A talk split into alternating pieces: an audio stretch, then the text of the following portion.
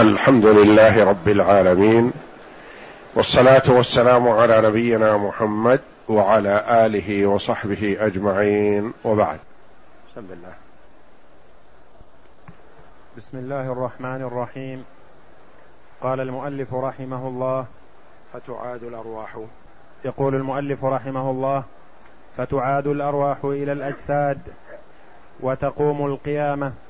وتقوم القيامة التي أخبر الله بها في كتابه وعلى لسان رسوله وأجمع عليها المسلمون فيقوم الناس من قبورهم لرب العالمين حفاة عراة غرلا وتدنو منهم الشمس ويلجمهم العرق فتنصب الموازين فتوزن بها أعمال العباد.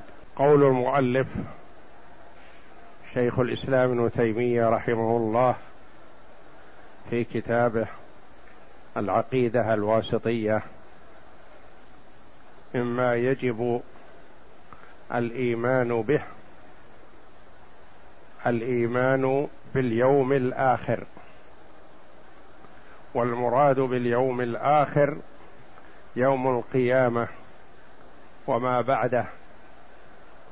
وذكر صلى الله وذكر رحمه الله أنه يجب الإيمان بما أخبر به النبي صلى الله عليه وسلم من نعيم القبر وعذاب القبر وأن القبر إما روضة من رياض الجنة نسأل الله الكريم من فضله أو حفرة من حفر النار نعوذ بالله من ذلك. وأن الناس يمكثون في قبورهم إلى أن تقوم القيامة الكبرى. فقوله رحمه الله القيامة الكبرى أي أن هناك قيامة صغرى. فالقيامة الكبرى هي التي يقوم لها الناس كلهم. والقيامة الصغرى هي موت كل شخص بعينه فقيامته بموته. من مات فقد قامت قيامته.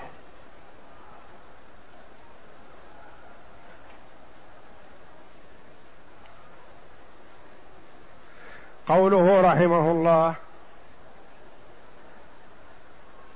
فتعاد الأرواح إلى الأجساد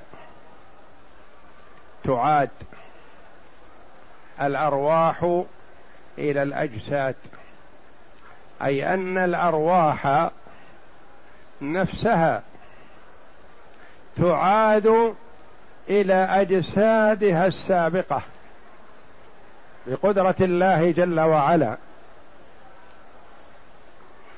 خلافا لما يزعمه البعض بأن الأجساد تخلق من جديد وليس كذلك وإنما هي تعاد. كما بدأنا أول خلق نعيده. وقدرة الله جل وعلا فوق كل شيء. قد يقول قائل مثلا فيه من الأجساد ما أكلته الطير وما أكلته الوحوش وما أكلته الحيتان والطير والوحوش والحيتان هلكت والطير قد تغذى به أناس والوحوش هلكت وماتت وتفتتت وتفرقت وفي لحمها ودمها وعروقها شيء من لحم الإنسان والحيتان قد أكلت بعدما تفتت جسم الإنسان في جسمها وسرى لحمه ودمه في جسمها فتفتتت ثم تفتت من أكلها هذه الأجسام. فكيف تعاد؟ نقول الله جل وعلا على كل شيء قدير. ولا تقاس قدرة الله جل وعلا بقدرة ابن آدم بل ابن آدم مهما أوتي من القدرة فهو ضعيف. يا أيها الناس ضرب مثل فاستمعوا له. إن الذين تدعون من دون الله لن يخلقوا ذبابا ولو اجتمعوا له. وإن يسلبهم الذباب شيئا لا يستنقذوه منه. ضعف الطالب والمطلوب. الذباب يسلب منهم شيء يأخذه يأكله يتفتت في جسمه. ما يستطيعون يستخرجوه منه. لكن الله جل وعلا على كل شيء قدير. فالأجسام تعاد. ولا يقال تخلق من جديد كما قال الله جل وعلا وهو الذي يبدأ الخلق ثم يعيده وهو أهون عليه.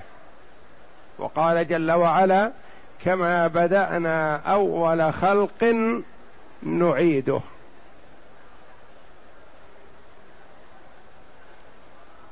وقال تعالى ثم إنكم بعد ذلك لميتون.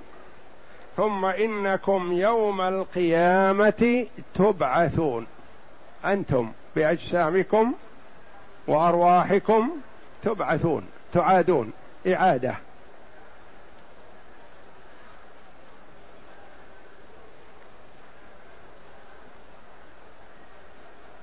من يحيي العظام وهي رميم قل يحييها الذي أنشأها أول مرة وهو بكل خلق عليم. أحياء قل يحييها. يحيي العظام هذه الذي أنشأها أول مرة يعني هي نفسها.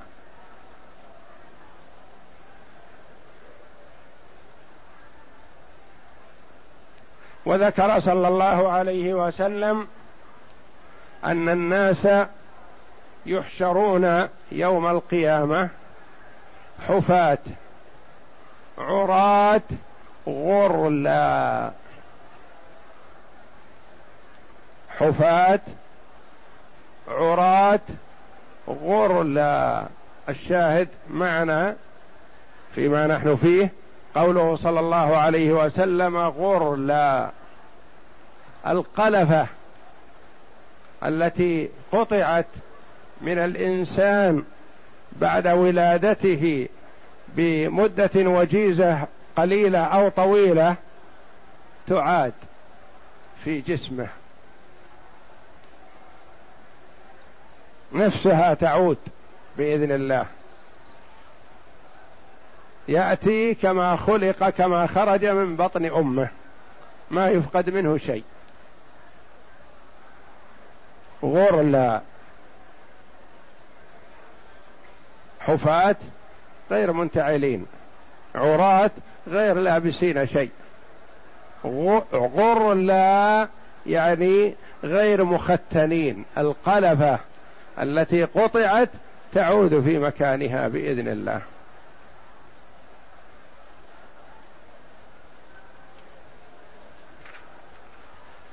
فالناس هم الذين هم في الدنيا هم يعودون في الآخرة والمحشر. إلا أن القدرة والقوة تختلف. لكل حال ما يناسبها. فالإنسان في الدنيا ما يصبر عن الطعام والشراب لو ما طعم ولا شرب هلك. في المحشر لا طعام ولا شراب وتدنو منهم الشمس ويلجمهم العرق.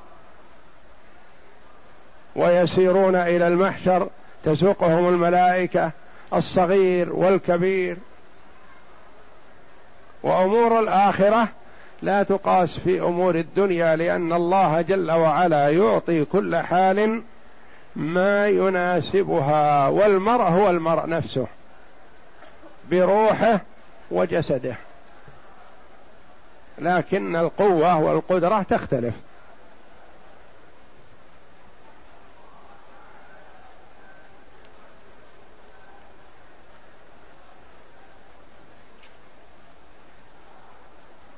وتقوم القيامة التي أخبر الله بها في كتابه وعلى لسان رسوله وأجمع عليها المسلمون. يقول المؤلف تقوم القيامة التي أخبر الله بها في كتابه فالقيامة ثابتة. بالكتاب العزيز والسنة الصحيحة وإجماع المسلمين أو تقدر أن تقول إجماع العقلاء. لأن حتى غير المسلمين يرون ويؤمنون بالقيامة. أهل الكتاب اليهود والنصارى يؤمنون بالقيامة في أصل عقيدتهم ومذهبهم وكتبهم الإيمان بالقيامة.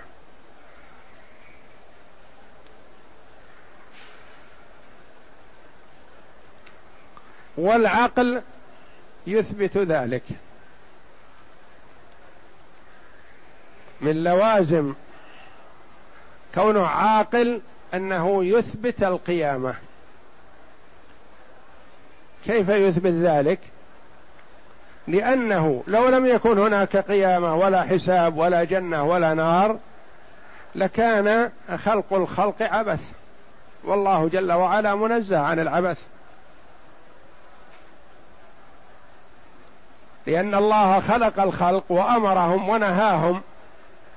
منهم من أطاع ومنهم من عصى. لو ما هناك إلا الموت خلاص ما صار فيه ثواب للمطيع ولا فيه عقاب للعاصي فمعناه أنهم استووا. يعصي أو يطيع سيان وهذا ما يقره العقل بصرف النظر عن الشرع.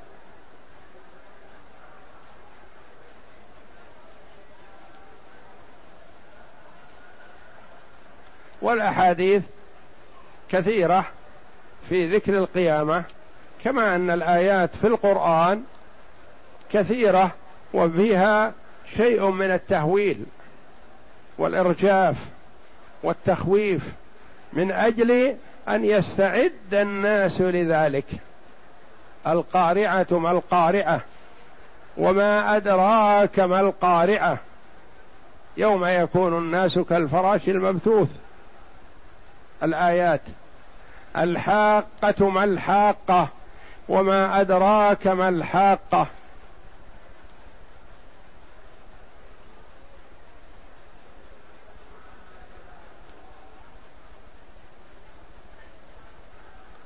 يا أيها الناس اتقوا ربكم إن زلزلة الساعة شيء عظيم.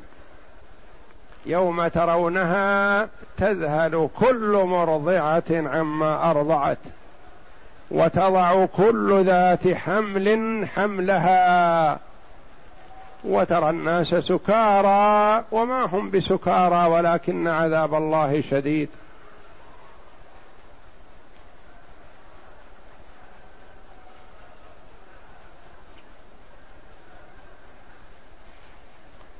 وإنكار القيامة كفر كما قال الله جل وعلا زعم الذين كفروا أن لن يبعثوا قل بلى وربي لتبعثن ثم لتنبؤن بما عملتم وذلك على الله يسير.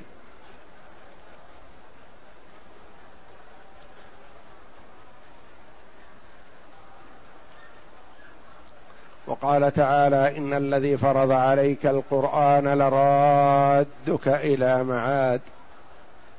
وقال تعالى أفحسبتم أنما خلقناكم عبثا وأنكم إلينا لا ترجعون. يعني لو لم يكن هناك حساب ولا ثواب ولا عقاب لكان خلق الخلق عبث. والله جل وعلا منزه عن ذلك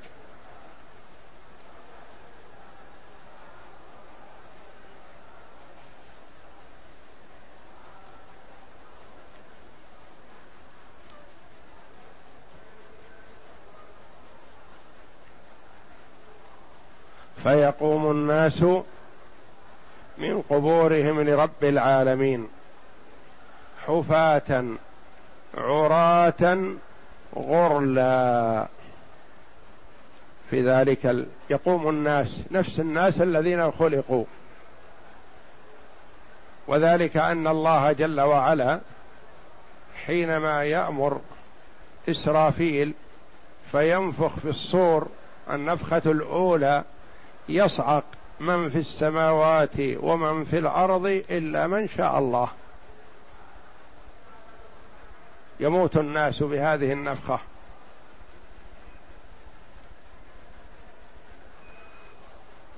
ثم إذا أراد الله جل وعلا بعثهم أمر السماء أن تمطر أربعين يوما كمني الرجال كما جاء في الحديث.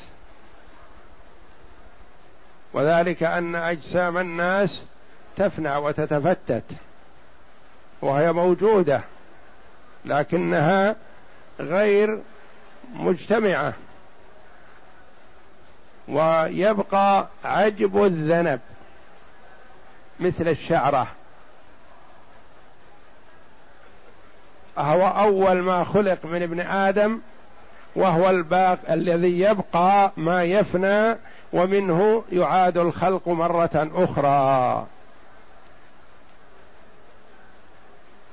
يعاد خلق الأجسام التي تفتتت تنبت وتجتمع وينبت الناس في قبورهم. المقبور وغير المقبور. لأن فيه من الناس من يكون مقبور ينبت في قبره ومنهم من يكون في أجواف السباع والطيور والحيوانات والأسماك وغير ذلك تنبت بإذن الله. فإذا تكاملت الأجساد أمر الله جل وعلا إسرافيل فنفخ في الصور فتطايرت الأرواح وعادت كل روح إلى جسدها الذي كانت به في الدنيا.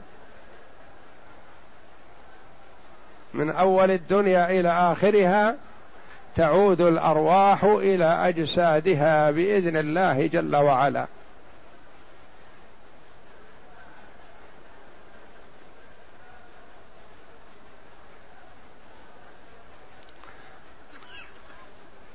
فإذا نفخت فيهم الروح مشوا وتحركوا وساقتهم الملائكة إلى المحشر.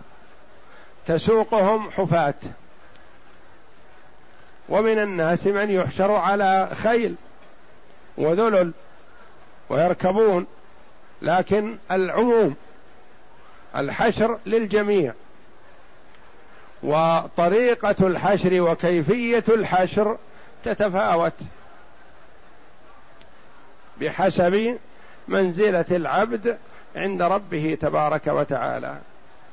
ومن الناس والعياذ بالله من يحشرون على وجوههم عميا وبكما وصما. كيف يمشي المرء على وجهه؟ قال صلى الله عليه وسلم الذي أقدره على أن يمشي على رجليه قادر أن يجعله يمشي على وجهه.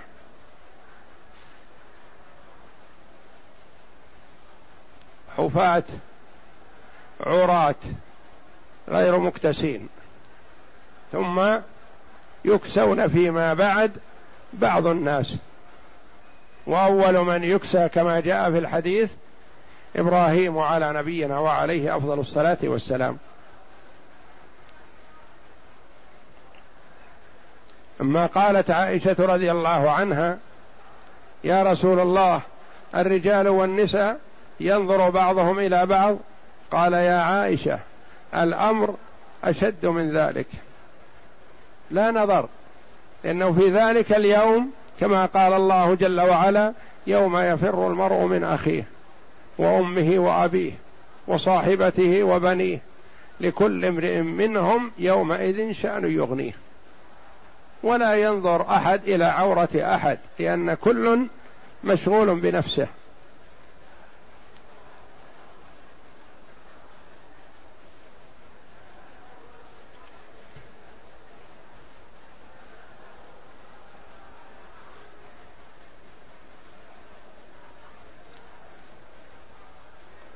حفاة عراة.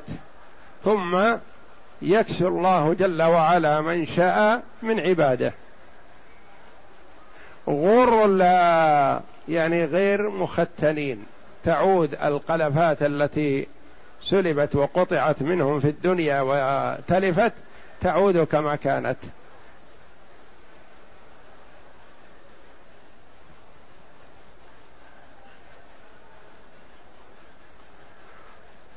وتدنو منهم الشمس. تقرب قدر ميل. والله أعلم بمقدار هذا الميل. اهوى ميل المسافة. أم هو ميل المكحله أم بينهما؟ فالوارد في السنة أن الشمس تدنو من الخلائق قدر ميل. قد يقول قائل ألا تحرقهم؟ لا ما تحرقهم لأن الله جل وعلا ما أراد منها أن تحرقهم. وإنما يلجمهم العرق ويتفاوتون في العرق وكل على حسب حاله. منهم من يكون عرقه إلى كعبيه ومنهم من يكون إلى سرته ومنهم من يكون إلى ركبتيه ومنهم من يكون إلى صدره ومنهم من يكون إلى ترقوته ومنهم من يلجمه العرق إلجاما والعياذ بالله. وكل على حسب حاله. لا هذا يتضرر من إلجام العرق لصاحبه ولا هذا ينتفع من حال صاحبه الحسنة. كحالة النور ذلك اليوم. كل له نوره وحده. ما أحد ينتفع من نور غيره.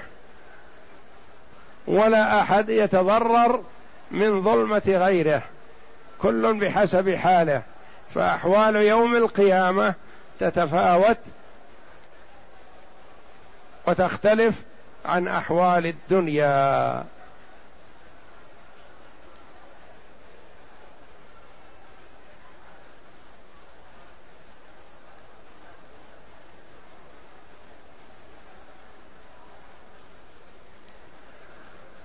وهذا على سبيل العموم وإلا فمن الناس من يكون في ظل. ومن الناس من يكون في الظل يوضع لهم الموائد يأكلون ويشربون.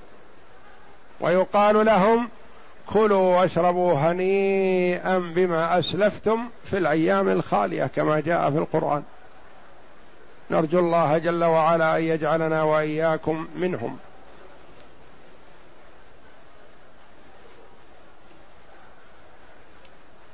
وجاء عن النبي صلى الله عليه وسلم الحديث الصحيح سبعة يظلهم الله في ظله. يوم لا ظل إلا ظله يعني الظل الذي يخلقه الله جل وعلا ويدخل فيه من شاء من عباده. وليس المراد سبعة أشخاص وإنما سبعة أصناف. سبعة أصناف من أول الدنيا إلى آخرها. وذكرهم صلى الله عليه وسلم أنهم إمام عادل عدل في إمامته وحكمه وقضائه بين الناس وشاب نشأ في طاعة الله منذ نشأ وميز وهو في طاعة الله. وكما جاء في الحديث الآخر يعجب ربنا لشاب ليس له صبوة. يعني ما جهل في شبابه. وقرن صلى الله عليه وسلم الشاب الناشئ في طاعة الله مع الإمام العادل ليدل على أن الله جل وعلا يعطي كل إنسان بحسبه. قد يقول قائل مثلا إذا كان من تحت الظل إمام عادل إمام عادل محدود. من من يا ترى سيكون هذا الإمام العادل؟ قال صلى الله عليه وسلم شاب نشأ في طاعة الله. يدخل فيه بإذن الله الكثير. ورجل قلبه معلق في المساجد. وليس معنى ذلك أنه ساكن في المسجد. لا. لكنه يعمل في دنياه وقلبه منتبه. متى يحين وقت الصلاة؟ يذهب إلى صلاته ولا يشتغل عنها بتجارة ولا بيع ولا شراء. رجال لا تلهيهم تجارة ولا بيع عن ذكر الله وإقام الصلاة وإيتاء الزكاة. يخافون يوما تتقلب فيه القلوب والأبصار. رجل قلبه معلق بالمساجد. يهتم لصلاته ويجعلها نصب عينيه دائما وأبدا. ولا يفضل عليها شيء لا ربح ولا تجارة ولا عمل ولا لذة ولا نوم ولا أكل ولا شرب ولا شيء من متاع الدنيا مهما يكون. وقد جاء في الحديث أن المرء إذا أراد أن يعرف قدره عند الله جل وعلا فلينظر إلى قدر الصلاة عنده. فإن كانت الصلاة عنده بالمنزلة اللائق بها فليحمد الله على ذلك وليبشر بالخير بأن له قدر عند الله جل وعلا. وإن كانت الصلاة على حسب فراغه وانتهاءه من شغله أو انتهاءه من أكله أو نومه أو أنسه بأهله ولا يبالي أدرك الجماعة أو فاتته صلى في الوقت أو خارج الوقت ما يبالي بها فليعلم أنه لا قدر له عند الله جل وعلا. ورجل قلبه معلق في المساجد. ورجلان تحابا في الله اجتمعا على ذلك وتفرقا عليه. رجلان تحابا في الله. ما من أجل لا من أجل تجارة ولا من أجل مصاهرة ولا من أجل عرض من أعراض الدنيا ولا مجاملة وإنما محبة لله.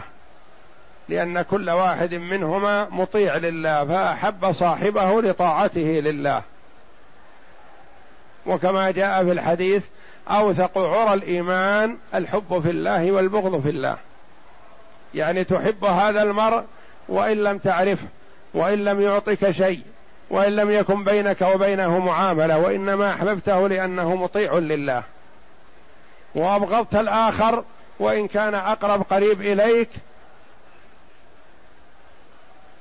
لأنه عدو لله فأبغضته من أجل الله جل وعلا. اوثق عرى الإيمان يعني أقوى عرى الإيمان الحب في الله والبغض في الله. ولهذا أثاب الله جل وعلا المتحابين فيه بأن الله يظلهم في ظله يوم لا ظل إلا ظله. ورجل دعته امرأة ذات منصب وجمال فقال إني أخاف الله. دعته امراه لفعل الفاحشة فامتنع خوفا من الله مع أن المرأة جميلة ومع أن المرأة ذات منصب يعني تستطيع تخليصه ما تورطه تخلصه ويفعل بها الفاحشة وتخلصه. لكنه ما امتنع خوفا من الناس ولا حياء من الناس وإنما امتنع خوفا من الله جل وعلا. وقال إني أخاف الله. ورجل تصدق بصدقة فأخفاها حتى لا تعلم شماله ما تنفق يمينه. يعطي الصدقة ولا يعلم عنها أحد. حتى نفس المتصدق عليه يحرص على أن يعطيه في الظلام حتى لا يعرف من هو. لأنه يعطي لله وهو مؤمن بأن الله مطلع عليه. فهو واثق بأن من أعطى من أجله مطلع ولا يهمه الناس. ورجل ذكر الله خاليا ففاضت عيناه. ذكر الله جل وعلا ففاضت عيناه خشية من الله ورجاء لثواب الله وكان خالي من الناس. يعني ما ذكر الله عند الناس حتى يثنى عليه ويقال هذا ذاكر هذا تقي هذا يخشع وإنما خالي ما عنده أحد. وغيرهم أصناف آخرون وردت أوصافهم في الحديث عن النبي صلى الله عليه وسلم يوضع لهم الموائد في الظل يأكلون ويشربون. والناس في عرصات القيامة. والظل هذا ظل يخلقه الله جل وعلا. ولا يتصور أنه ظل لذات الله تبارك وتعالى وإنما هو خلق من خلق الله جل وعلا. لأنه لو تصوره الإنسان من ذات الله لتوقع مثلا أن الشمس تكون فوق الله تعالى الله. والشمس والله جل وعلا ليس فوقه شيء. وإنما ظل يخلقه الله جل وعلا أو قد يقال إنه ظل العرش. فالعرش مخلوق من مخلوقات الله جل وعلا. ويظل الله جل وعلا بظله من شاء من خلقه.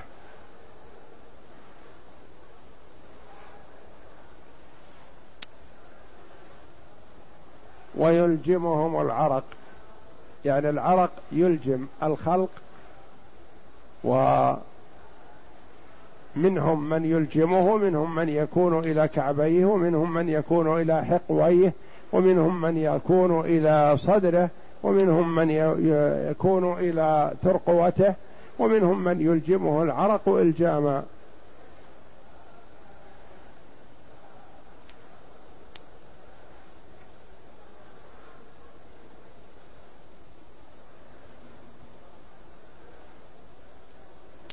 قول المؤلف رحمه الله تعالى فتنصب الموازين. هذا في الدرس القادم إن شاء الله.